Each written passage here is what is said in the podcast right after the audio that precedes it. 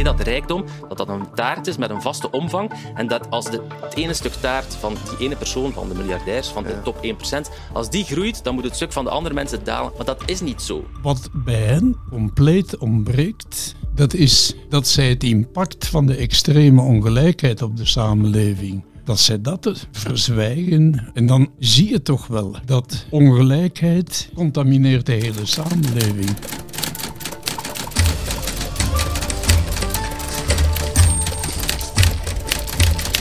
De podcast van EPO. Wat is ongelijkheid? Het is meer dan een ondeugd of het resultaat van capriolen van de superrijken. Het is een wirwar van wetten en afspraken die een heel vaste indruk maken en dus heel moeilijk te veranderen zijn. Het is ook de acceptatie van een orde. Het is een minderheidssysteem met privileges die worden uitgeoefend door macht en druk. En dat zijn de woorden van Paul Goossens en die zit hier bij mij. Welkom uh, Paul. Hoe gaat het met je, Paul? Mogen niet mopperen. Beter dan de situatie in Gaza. Oké. Eh, Paul, je hebt een boek geschreven, De Ongelijkheidsmachine. Uh, ik las ergens in het boek dat het opgedragen is aan... Uh, Uma en Nena. Aan Uma en Nena, dat zijn jouw kleinkinderen. Vertel eens. Ja, omdat Waarom?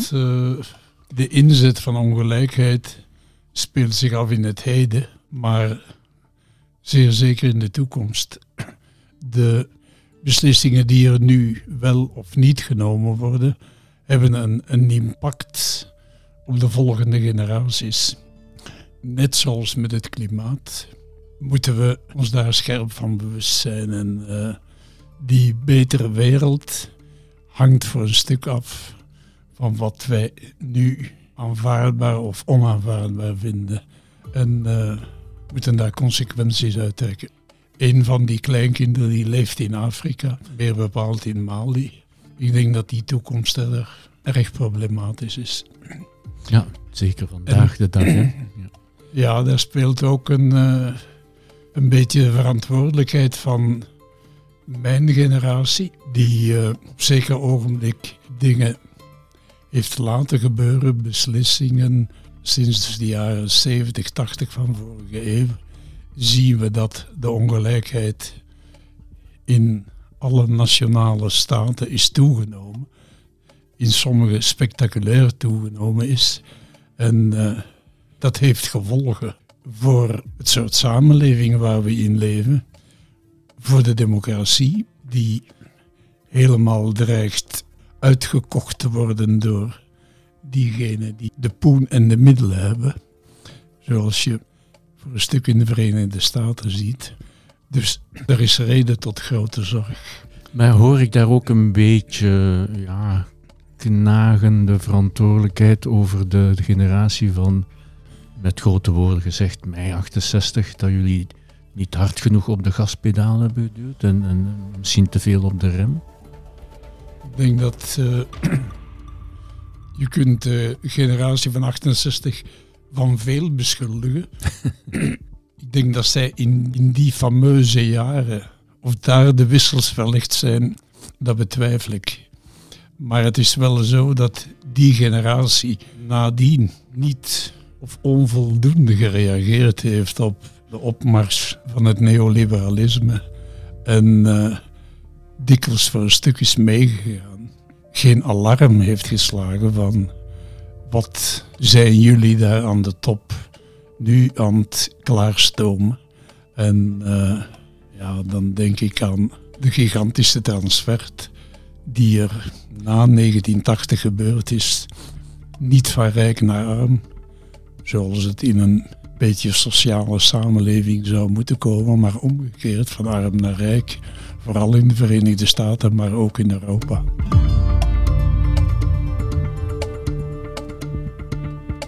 misschien is het goed van meteen de, het hele lange woord op te splitsen in, in twee delen. De ongelijkheidsmachine, zo heet het boek. Ongelijkheid, laten we daarmee beginnen. Wat, wat, wat, wat is ongelijkheid volgens jou? ongelijkheid is natuurlijk een complex begrip waar je wel een standpunt moet aan dit nemen. Men zegt dat de oorlog tussen Israël en de Palestijnen een complex probleem is. En velen gebruiken dat als argument om hun kop in het zand te steken en, en, en geen, geen standpunt in te nemen. Denk hier aan de meeste Vlaamse universiteiten. Maar ongelijkheid is dat eveneens, is, is eveneens een moeilijk begrip. Het hangt met heel veel samen. En millennia lang heeft de wereld geleefd in de overtuiging dat mensen niet gelijk zijn. Dat er een orde was, dat er betere mensen waren, de, de aristocratie bijvoorbeeld, de geestelijkheid. En dan was er het plebs. Op daar basis van die indoctrinatie, van dat inzicht. Want ongelijkheid is in feite de grondstof van de geschiedenis. Heeft men een maatschappelijke orde aanvaard waar die kleine minderheid van, van aristocraten en geestelijke privileges kregen, erfelijke privileges. Zij waren de bevoorrechten.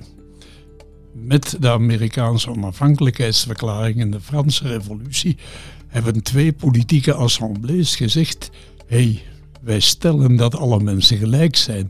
Daarmee werd de bodem uit de middeleeuwse orde en de orde van het ancien regime geslagen en begon een nieuw tijdperk. Met die verklaring werd een doorbraak gerealiseerd in zaken de status van de mensen. Er is een halt toegeroepen en dat is een inspiratie geweest om rechten van de mens, om daar werk van te maken en gelijkheid tussen man en vrouw. Nu is het voor een stuk algemeen aanvaard. Met enkele uitzonderingen na en enkele, enkele landen, misschien uitgezonderd, die allemaal in hun grondwet hebben staan van alle mensen zijn gelijk. Dat, dat, dat wordt eh, flink behandeld in je boek. Eh, dat heb je uitgebreid geschreven, tot van vertrekkend vanuit de oudheid. Maar wat mij eigenlijk wel eh, trof, was een, eh, een quote over eh, ja, de verlichting, de, grote verlichters, over Voltaire. Toch, toch een van de denkers waar onze zogenaamde universele mensenrechten op, op gebaseerd zijn dat doet me toch wel wat nadenken over die mensenrechten. Disclaimer. We willen u waarschuwen voor een volgende passage. Er komen racistische uitspraken in voor. We gebruiken ze louter informatief.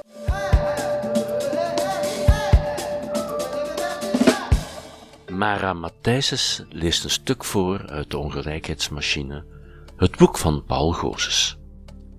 Als het over Joden en zwarte ging, hakte ook de vlag van de Franse verlichting Voltaire met een botte bijl. Spijtig genoeg schreef hij in het Dictionnaire Philosophique 1769 moet ik het over de Joden hebben, een natie die in veel opzichten de meest verfoeilijke was die ooit de aarde bevuilde. En dat de zwarte van nature inferieur aan de blanke waren, was voor Voltaire de evidentie zelf.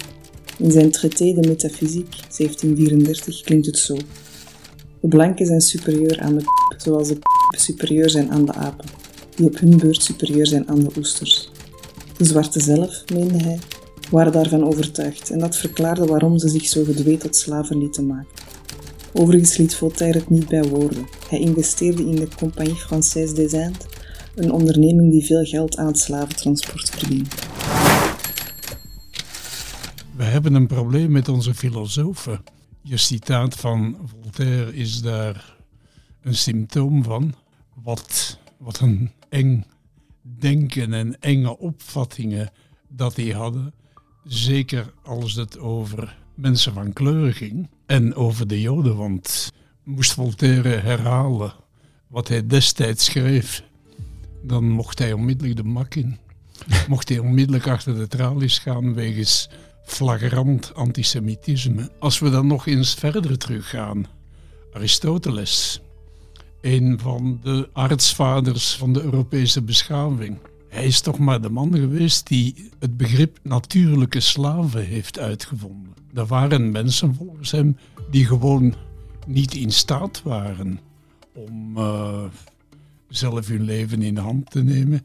Ja, die hun enige perspectief was dat anderen zich daar mee bezig hielden en zeiden wat ze moesten doen en vooral niet moesten doen. Dat begrip, dat is de hele middeleeuwen door, ook door grote kerkelijke schrijvers, denkers en eh, is dat idee overgenomen en nooit bekritiseerd. En uh, ja, er zijn heel wat duistere kanten aan het, aan het denken en schrijven van onze grote filosofen. Immanuel Kant is daar uh, een voorbeeld van, van hoe akelig hij de mensheid hiërarchisch opdeelde.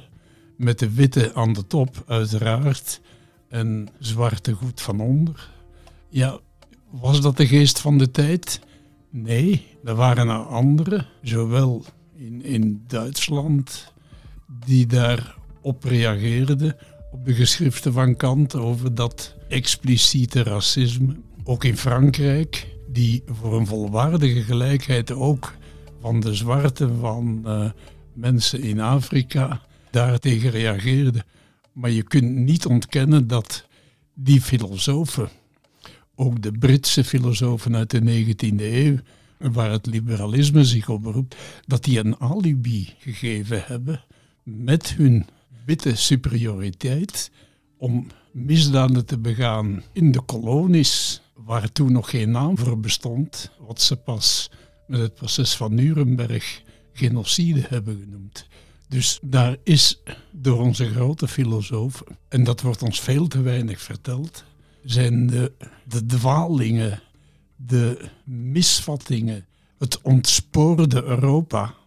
Zij hebben daar veel brandstof voor geleverd, intellectuele brandstof. In het boek komt dat uh, uitgebreid aan bod, maar een, een andere insteek uh, die al minstens even belangrijk is, dat is heel de opkomst eigenlijk van neoliberalisme. Uh, en waar je eigenlijk dat aan den lijve hebt als journalist eerst als hoofdredacteur van De Morgen, maar daarna als Europa-journalist bij Belga. Dat neoliberalisme dat in Europa eigenlijk, maar vanuit Amerika, vanuit de Verenigde Staten, gestalte heeft gekregen. Kan je ons daar een beetje in meenemen? De 20e eeuw zou je kunnen zeggen, heeft vanaf de Grote Oorlog een correctie ingevoerd, een egalitaire correctie voor het hele Westen. En waarin bestond die? In een soort vreedzame fiscale revolutie. Plots, en de Verenigde Staten, zeer merkwaardig, nog voor de Grote Oorlog begonnen is, hebben daar de toon gezet, hebben een inkomstenbelasting. Wat voordien bijna een godslastering was voor de begoede klasse. Want een aanslag op het eigendomsrecht. In 1913 hebben de Verenigde Staten een inkomstenbelasting doorgevoerd. En met een marginaal uh, voet van 7%.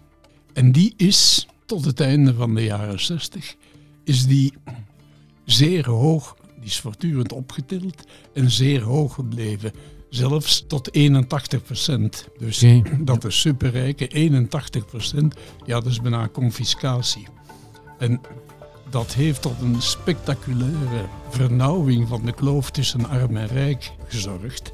En dat heeft ook in andere delen van de wereld, het Westen, in Europa, is dat voorbeeld gevolgd.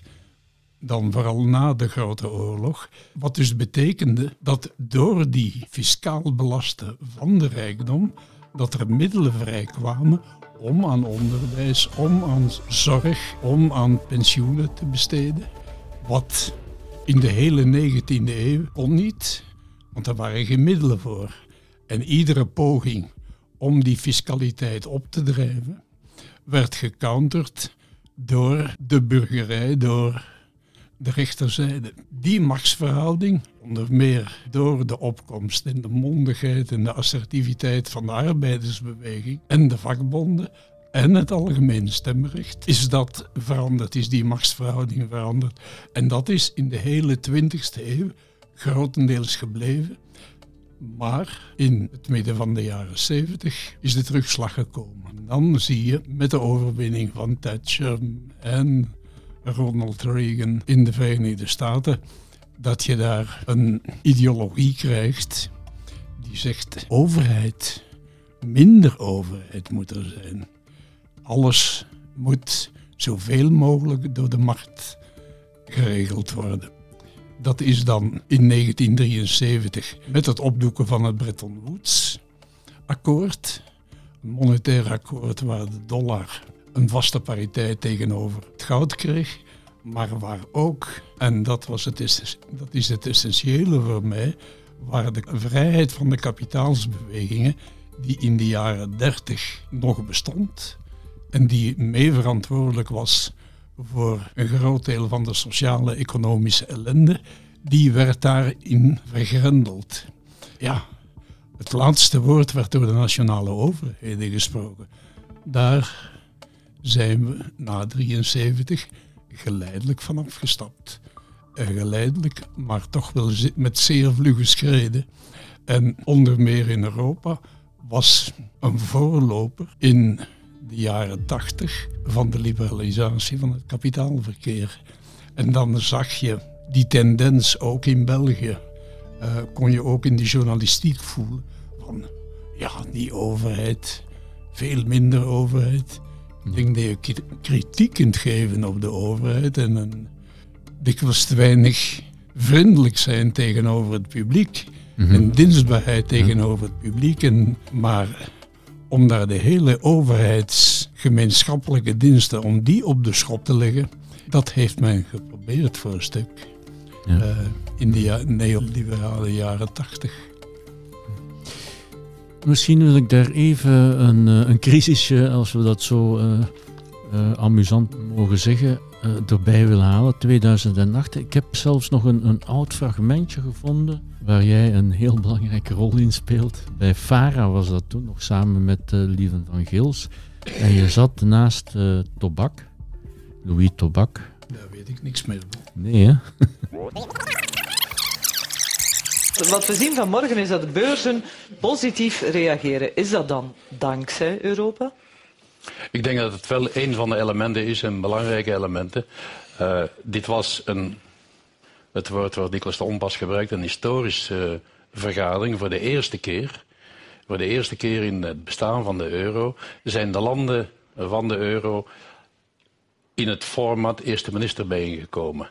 Dat heeft, daar was altijd grote weerstand tegen, omdat men dacht op deze manier uh, gaat dat in Europa met twee snelheden worden. Maar crisis, als het crisis is, nood breekt wet, zo ook met crisis. Dus deze keer heeft men het gedaan omdat men iets moest doen.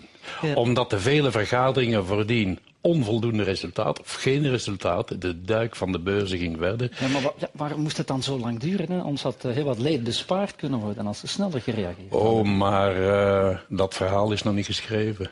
En uh, daar is wat je meemaakt in, in Europa, en, en ook voor een stukje België natuurlijk, dat is een dubbele discussie. Een discussie, wat is de oorzaak van deze crisis? En dan kom je bij Amerika, waar het begonnen is, en kom je bij het neoliberalisme. Ja. En dan moet je een discussie over wat doen we met dit neoliberalisme, zeker in de financiële sector. Deze discussie is op dit ogenblik niet beslecht. Niet in Europa, niet in de Europese Commissie. En die heeft men proberen te omzeilen. Of, daar wil men voorlopig niet te diep op ingaan. Nou, als ik even mag, op, op de vraag uh, die, die, je stelt van waarom heeft het zo lang geduurd ik weet toch niet uh, of dat iedereen goed beseft. Ik ook niet. Hè? Maar dus de Duitsers engageren vandaag 400 miljard euro. Mm -hmm. Ja, ik neem aan dat je een paar dagen nodig hebt om te weten of dat je dat gaat beslissen. Mm -hmm. Als dat slecht afloopt, zijn we allemaal IJsland. Hè? In eerste instantie zagen we wel de reactie ieder voor zich. Denk aan Wouter Bos, ook een socialist. Zijn eerste zijn uitlatingen over Fortis. Ja, de vraag in deze is niet uh, of dat Wouter Bos nu een socialist of een communist of een nee. christendemocraat is. Wouter Bos is een Hollander als het over factisch gaat. Maar, voilà. ja. Wel daar, aan die stemmingmakerij wil ik niet meedoen. Ja, maar uh, ieder voor oh, zich. Nee, want dat heeft hij in zijn carrière nog nooit gedaan, hè, stemmingmakerij. Dus dat kan maar, ik getuigen. Ik, ik, ga wel akkoord met wat uh, Louis Tobak zegt over de, de omvang van deze crisis. Wij zien slechts het topje van de mhm. ijsberg. En op het vlak van de commissievoorzitter, de voorzitter van de Europese Centrale Bank, Trichet, daar is paniek in die rangen. En dat merk je aan die vergaderingen. Dat is heuse paniek. En ook in België was het paniek. En dan heeft men allemaal zo vlug mogelijk dingen willen doen. En ik denk indien men meteen Europees had opgetreden en een fonds, een reddingsfonds voor de banken van de Amerikanen hebben 700 miljard dollar, dat is evenveel als de Duitsers vandaag even waarom uit de lukt dat niet? Waarom lukt dat niet dan zo'n Europees fonds? Omdat er, eh, ja, eh, mijn bank eerste. Ik hoop dat men nu voor lange tijd gevaccineerd is tegen het neoliberalisme. En dat men dat niet alleen de periode van deze winter, maar dat het voor langere tijd zou zijn. En dan gaat men toch wel oplossingen moeten doen. Dit zijn problemen die geen rekening houden met grenzen. Dat kun je niet op grens, Maar, op nationaal. Dat moet je tenminste op continentaal en zelfs dat helpt maar niet. bent u er gerust op? Gaan ze hier inderdaad lessen uittrekken? Dat weet je nooit. 2008, bankencrisis. Ja. Eh, toch wel een van de, de zware crisissen in, in, in Europa. eh, waar we nu nog altijd eh, toch eh, heel wat nasleep van moeten verdragen, verduren. Eh, hoe, hoe heb jij dat toen bekeken? Eh, want je zegt in dit fragment ook, het was paniek en men heeft bank, eigen bank eerst gedaan. Eh, Europa had daar een, een, een oplossing bij wijze van spreken kunnen, kunnen geven. Ja, de beslissing om de muntunie op te richten, die in het pakket van het verdrag van Maastricht zat, van 1991, is een onwaarschijnlijk diepgaande beslissing geweest met verregaande consequenties. Daar is jaren over gedebatteerd en strijd geleverd over wat die bank wel mocht doen en niet mocht doen. Een strijd tussen Duitsland, Nederland als behoudsgezinde orthodoxe monetaire, monetaristen en de rest van, van Europa, eh, waar België ergens tussen zat. Die ECB en die Europese munt, dat is in een architectuur waar veel tekort was. En een aantal dingen bewust niet aan bod kwamen. En onder meer de mogelijkheid van een bankencrisis. Dat was voor de architecten die de muntunie hebben papier gezet. Voor Duitsland was dat, kon dat niet gebeuren, dat er een bankencrisis zou komen. Dus daar was niks voorzien. De ECB had op dat punt geen enkele bevoegdheid. Dus een onwaarschijnlijke, als je het nadien bekijkt, lichtzinnigheid in de constructie. Zoals er eveneens geen enkele voorziening was van een solidariteitsmechanisme met landen die in problemen waren. En zoals nadien met Griekenland, Griekenland, gebeurd is. ja. Dus men heeft daar moeten improviseren van A tot Z. En ja, de paniek was enorm. En het is eh, kantje boord geweest of die hele, hele constructie was kletterend in elkaar gestort. Ja, Had je toen, eh, want zo komt het in het fragment een beetje over, eh, je, hoopte toen dat het vaccin Ja. tegen neoliberalisme was ingespoten en dat we waren ingeënt. ja dus, dat is heel vreemd. hè. Je komt in een crisis terecht. Geesten evolueren dan wel. Dat is ook met de financiële crisis geweest. Als je een beetje naar, naar kijkt, dan zeg je, ja, dit is toch wel een crisis veroorzaakt door de wildgroei van, het financiële, van de financiële industrie. Eh, wat men allemaal uitgevreten heeft in de Verenigde Staten met kredieten die verpakt en versnipperd. En eh, niemand had nog zicht op hoe riskant zijn die rommelkredieten. Ja, en op een zeker moment is de boel dan in elkaar geklapt met consequenties tot in Europa. Eh, je zou dan zeggen, ja, nu gaan we die financiële industrie een keer echt goed aan de ketting leggen. Echt regels opleggen die bindend zijn en die strikt zijn. Maar dat is nauwelijks of zeer onvoldoende gebeurd met gevolg dat begin 23, 2023, dat er in de Verenigde Staten alweer banken waren die over kop gingen en zomaar geen kleintjes, omdat men de regels weer versoepeld had. Zelfs in Europa is daar de Credit Suisse, heeft men met, met miljarden Zwitsers geld moeten redden. En was er paniek ja, in de financiële wereld en bij de politici, omdat men er nog nauwelijks zicht op heeft van wat, wat zijn de risico's. En als er een bank over kop gaat, wat betekent dat? Zelfs de Duitse kanselier is daar publiek moeten tussenkomen om te zeggen, de Duitse bank, ja, die is solide. We zitten daar op een vulkaan te dansen met dat financieel systeem en de hoop dat het na 2008 dat men ingrijpende dingen zou beslissen en uh, grendels zou opleggen, is niet gebeurd. Omdat de machtsverhoudingen nog steeds van die aard zijn dat die financiële bazen kunnen de politiek sturen. Is, is dat wat je bedoelt met dat tweede deel van het lange woord ongelijkheidsmachine? Is die bankencrisis daar een voorbeeld van, van het woord machine? Ja, ongelijkheid is zoveel meer dan alleen maar greed, hebzucht. Het is een kluwe van wetten, reglementen, van uh, fiscale regelingen, van, van erfenisrechten. Dit hangt allemaal samen in een financieel systeem dat na 1980 steeds dominanter is gaan wegen op, het, op de economische beslissingen, op, de, op het economisch beleid. En je zit daar gevangen in een machine, dat is de stelling van het boek, dat je die financiële machtsstructuur, dat je die gaat moeten doorbreken, want anders loop je altijd achter de feiten aan. Nu zijn er een, een, een rits experten, uh, academici, uh, nog anderen, die zeggen ja, de, de grondstelling zit fout in jouw boek. Ik heb er zo een paar uh, opgesnord, zeg maar. een eerste stukje laat ik even horen van Mark de Vos, Itinera en andere denktanks. Het is al een, een ouder fragment. Hij ligt zijn boek toe, ongelijk maar fair.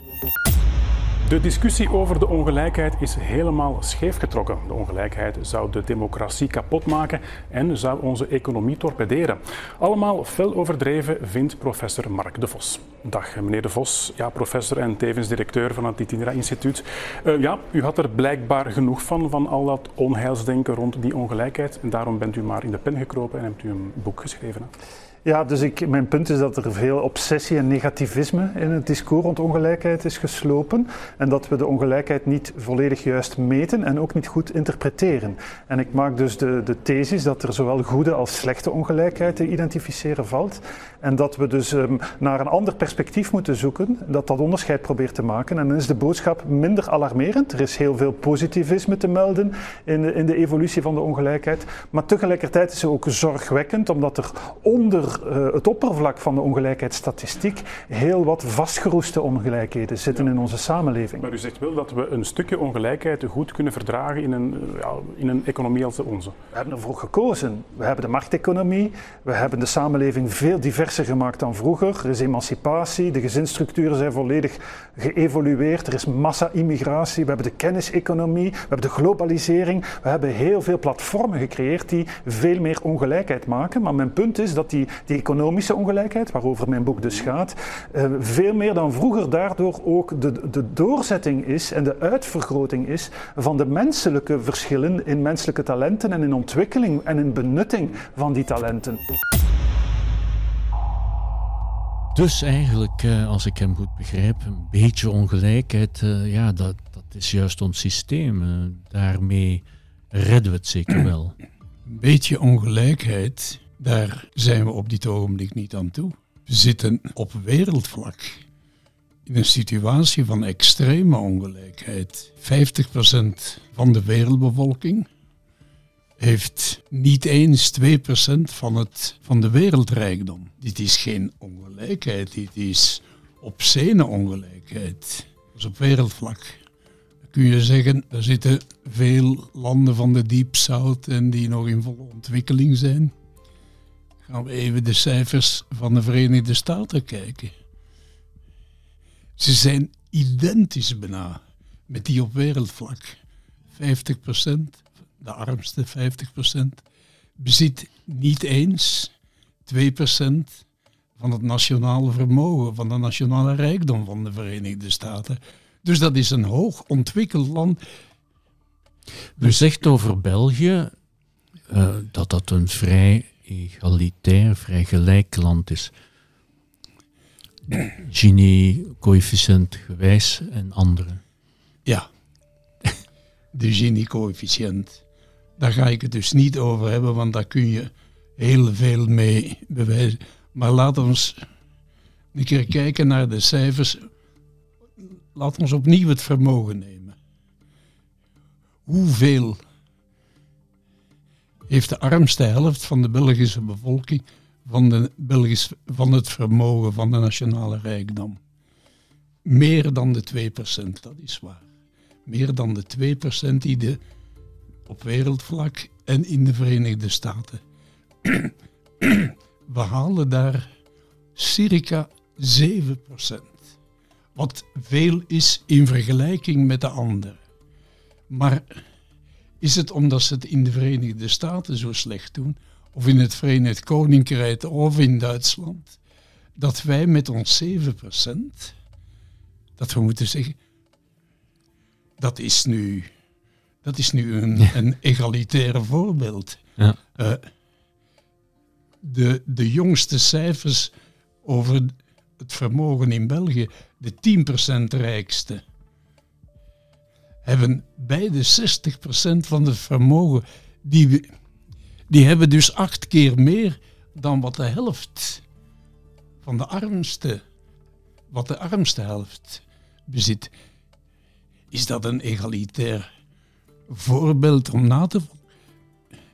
Het, het is omdat de anderen zoveel slechter zijn, kunnen wij zeggen: België, wij zijn een modelland.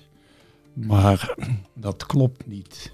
Dat is een beetje insane, zoals men in het Engels zou zeggen. Maar er is iemand anders die daar uh, uh, ook anders over denkt. dat is een, uh, ook voor jou niet een onbekende, Maarten Boutry. Noem je dat? Een, een vooruitgangsdenker. en daar ga ik ook even een quote bij halen.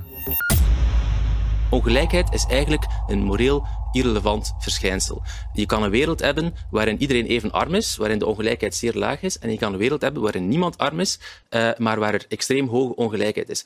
Waar we echt onze aandacht op moeten opvestigen, is die extreme armoede. En vanuit historisch perspectief zie je dat de, de, rijkdom in de wereld, laten we zeggen, uh, gedurende de, de 20e eeuw, globaal genomen, is met 800% gestegen. Dus er is globaal genomen acht keer zoveel mhm. rijkdom als er was aan het begin van de 20e eeuw.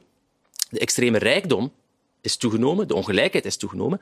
Uh, als de totale rijkdom een vaste taart is, dan zou je verwachten uh, dat extreme armoede ook toeneemt. Maar we zien net het tegenovergestelde. Dus de extreme armoede is sinds het begin van de 20e eeuw spectaculair gedaald. Vroeger was 9 op de 10 mensen over de hele wereld extreem mm arm. Dat zijn mensen die op de rand van honger en ontbering balanceerden. Vandaag zijn die verhoudingen helemaal omgekeerd. Mhm. Is dat nog minder dan 1 op 10 inderdaad, sinds 2020, 2021 zijn daar weer, uh, is er een tijdelijke achteruitgang vastgesteld.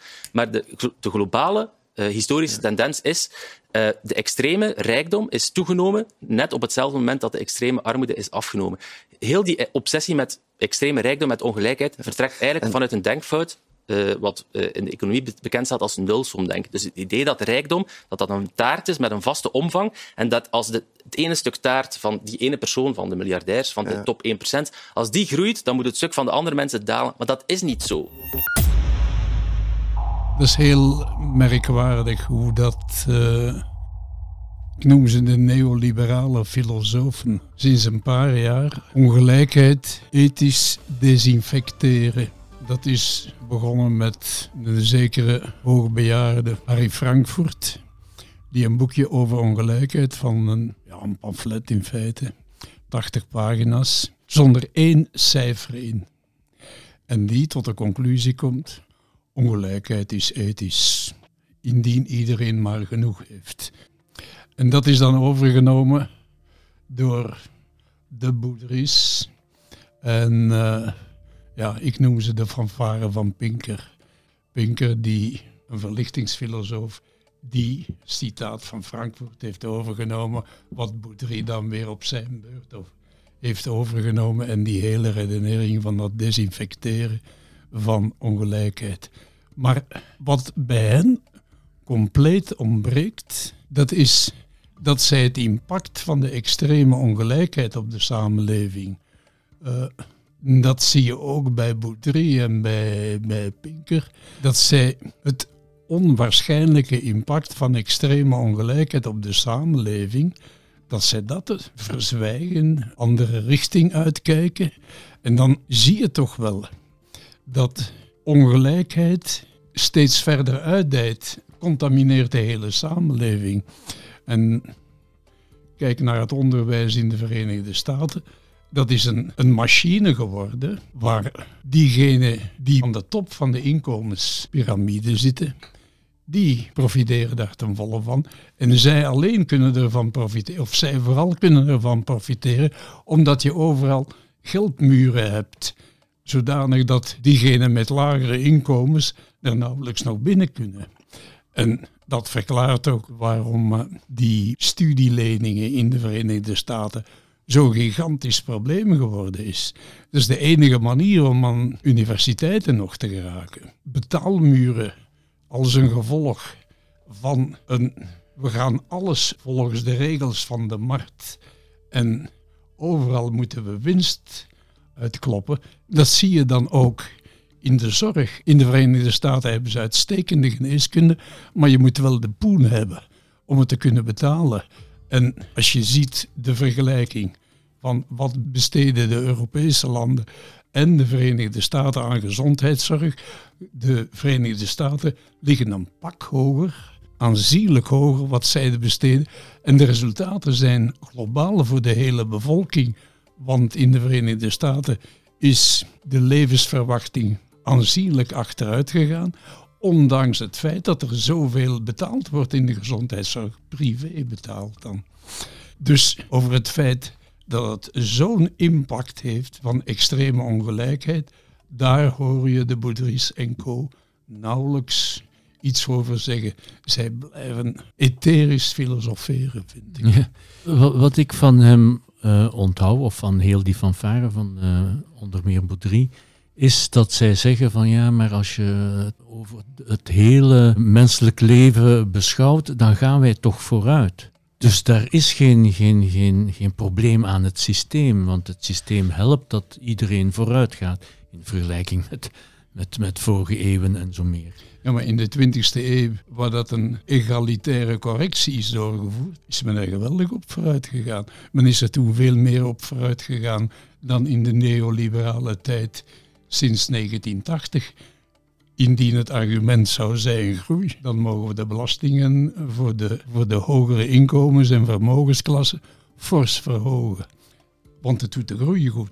En dat zie je dan ook, zelfs organisaties als de OESO, die niet meteen links kunnen genoemd worden en zeker niet revolutionair, die hebben rapporten, grondige rapporten geschreven over wat ongelijkheid doet aan de groei.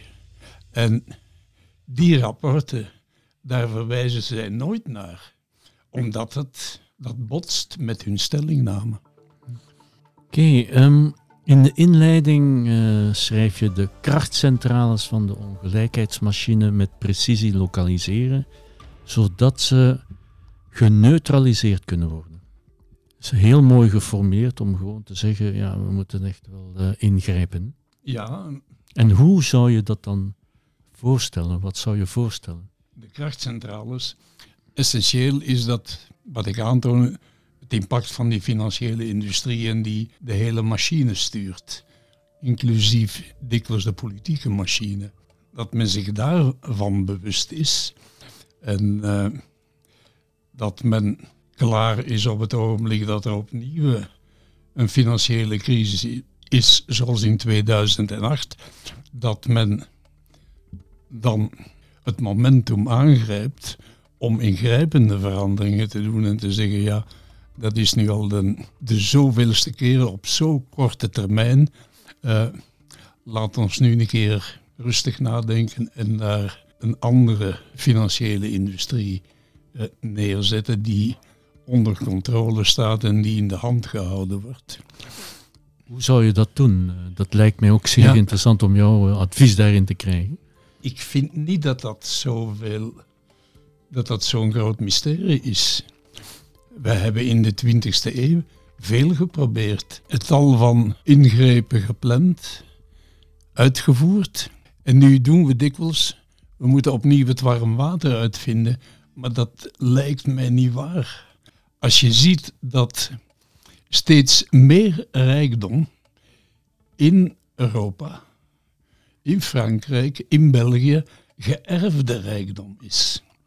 Dat betekent dus dat door het feit dat je een erfenis heb je vermogen opgebouwd. Dat is spectaculair gestegen sinds 1980. Steeds meer vermogen, meer dan 60%, is op dit ogenblik geërfd vermogen. Wat betekent dat? Dat je opnieuw erfelijke dynastieën, erfelijke aristocratie hebt, die op basis van uw stamboom, dat ze op basis daarvan een maatschappelijke positie hebben. We zijn dus, als we niet opletten, opnieuw op het punt gekomen waar het in 1776 en 1789, Amerikaanse revolutie, Franse revolutie, begonnen is. Opnieuw een erfelijke aristocratie aan het creëren. Als ik twee, twee maatregelen of twee ingrepen die nodig zijn, dat is een progressief belastingssysteem en dat is een progressieve erfenistaxatie. En om die twee voorstellen die jij doet eh, ja, te realiseren, waarheid te maken, op welke krachten moeten we daar op Dat kunnen het- rekenen? Dat is het, eh, een groot probleem. De revolutie na, op het einde van de 18e eeuw is een revolutie van de burgerij geweest. Die, die voordeel had bij eh, het opdoeken van de erfelijke privileges. Die heeft dat de, 19 de hele 19e eeuw kunnen vasthouden. En dan is er die fiscale revolutie geweest in de 20e eeuw en die egalitaire correctie door de mondigheid en de slagkracht van de arbeidersklasse die dat kon doen via verkiezingen en via vakbonden. Na 1980 de reconquista van de rijken. De vraag is welke sociale groep gaat krachtig genoeg zijn om nu deze hervorming door te voeren. Is dat de arbeidersklasse? Opnieuw, je kunt dat betwijfelen. De macht van de vakbond is verminderd. De arbeidersklasse heeft niet meer, ook door de globalisatie, de positie die ze in de jaren 30 had. Dus, grote vraag. Ik heb er momenteel geen antwoord op. Ik kan alleen maar hopen dat de vakbondsmacht zich kan herstellen en dat je dan eh, de correctie kunt doorvoeren. Heel erg bedankt. Ah, ja, het is, We zijn er. En mag ik jou vragen van, eh, van dit eh, exemplaar te signeren? Klap het even open, want het is een hele turf. schrijf ik de naam juist.